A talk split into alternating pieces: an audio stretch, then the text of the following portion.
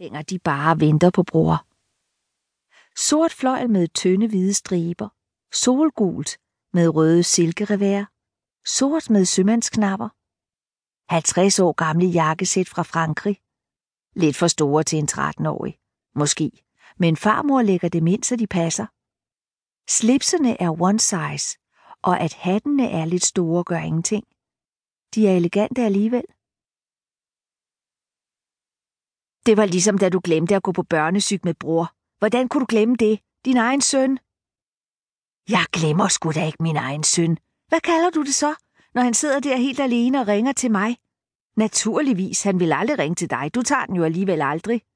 Men herregud, hvor mange gange skal du hive den sag frem? Det er to år siden. To år. Se der. Nu ser det godt ud. Præcis ligesom Serge i 1962. Bror banker en chokoladecigaret ud af et lille gulditui, lader den hænge og dingle i den ene mundvig. Bror synes indimellem, det er lidt synd for forældrene, at de har fået ham som søn. Disse to fremgangsrige mennesker, læger, smukke, begavede, socialt kompetente, og så får de en søn, der er præcis det modsatte. En frankofil, der helst vil være alene, lytte til Serge, læse Albert Camus, skrive noveller, ryge chokoladecigaretter, opstøve den ene gamle franske novelle efter den anden og studere gamle synonymordbøger for at kunne udtrykke sig så præcist som muligt. Han kan ikke engang klæde sig normalt, deres arme søn. Når andre 13-årige stæser rundt i jeans med hængerøv, hættetrøjer og beskidte gummisko, vælger bror at tage en af sine second-hand habiter på, laksko samt det røde mohair-sjæl fra 1959. I starten var det bare charmerende på en lidt gammelklog måde. Når bror rejste til Frankrig med sin farmor og farfar hele sommeren, lyttede til musik, spiste fransk mad og boede i det lille skæve hus oppe i de provensalske bjerge.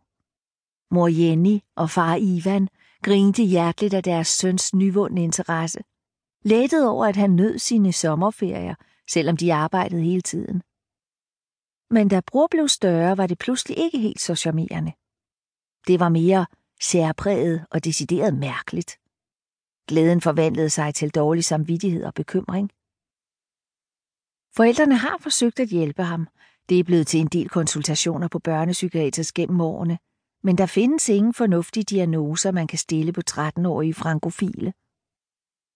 Ingen diagnose betyder ingen løsning.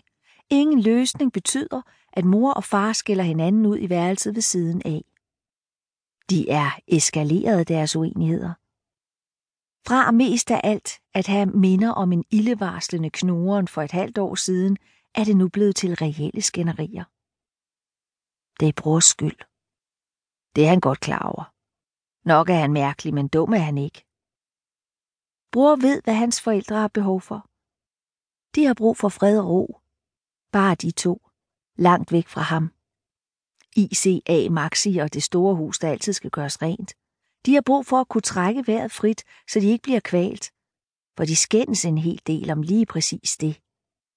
Måske skulle bror købe en ildflaske til dem.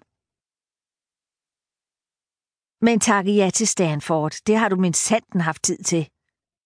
Hvad mener du med det? Du skal da også der til, skal du ikke? Ja, så. Så nu skal hele Stanford-historien også til at være et problem. Men så er det måske bedre, at du bare selv rejser, og så bliver bror og jeg hjemme. Ja, det er måske bedre, så kan du ånde frit der. Og... Hvis de ikke får noget tid til hinanden, bliver de skilt. Sådan er det. Det er en kendskærning. En kendskærning er, når noget ikke kan bestrides. Når der er konstateret med sikkerhed. Bror lægger sig på sengen, vikler sig ind i sengetæppet, tager en hånd op til hovedet, føler med fingrene langs kanten af det nyklippede hår. Tykt hår har han altid haft. Tykt og mørkt, kastanjebrunt. Grønne øjne. Mors øjne. Fars mave. Det gør altid ondt i fars mave. En form for svine. Det gør også ondt i brors mave. En svine brændende fornemmelse. Det er også en kendskærning. Det gør endnu mere ondt i maven, når de skændes på den anden side af væggen. Er der stille bag væggen, er der også stille i brors mave. Der er en form for usynlige tråde imellem, som betyder, at stemningen på den anden side af væggen og syreniveauet i brors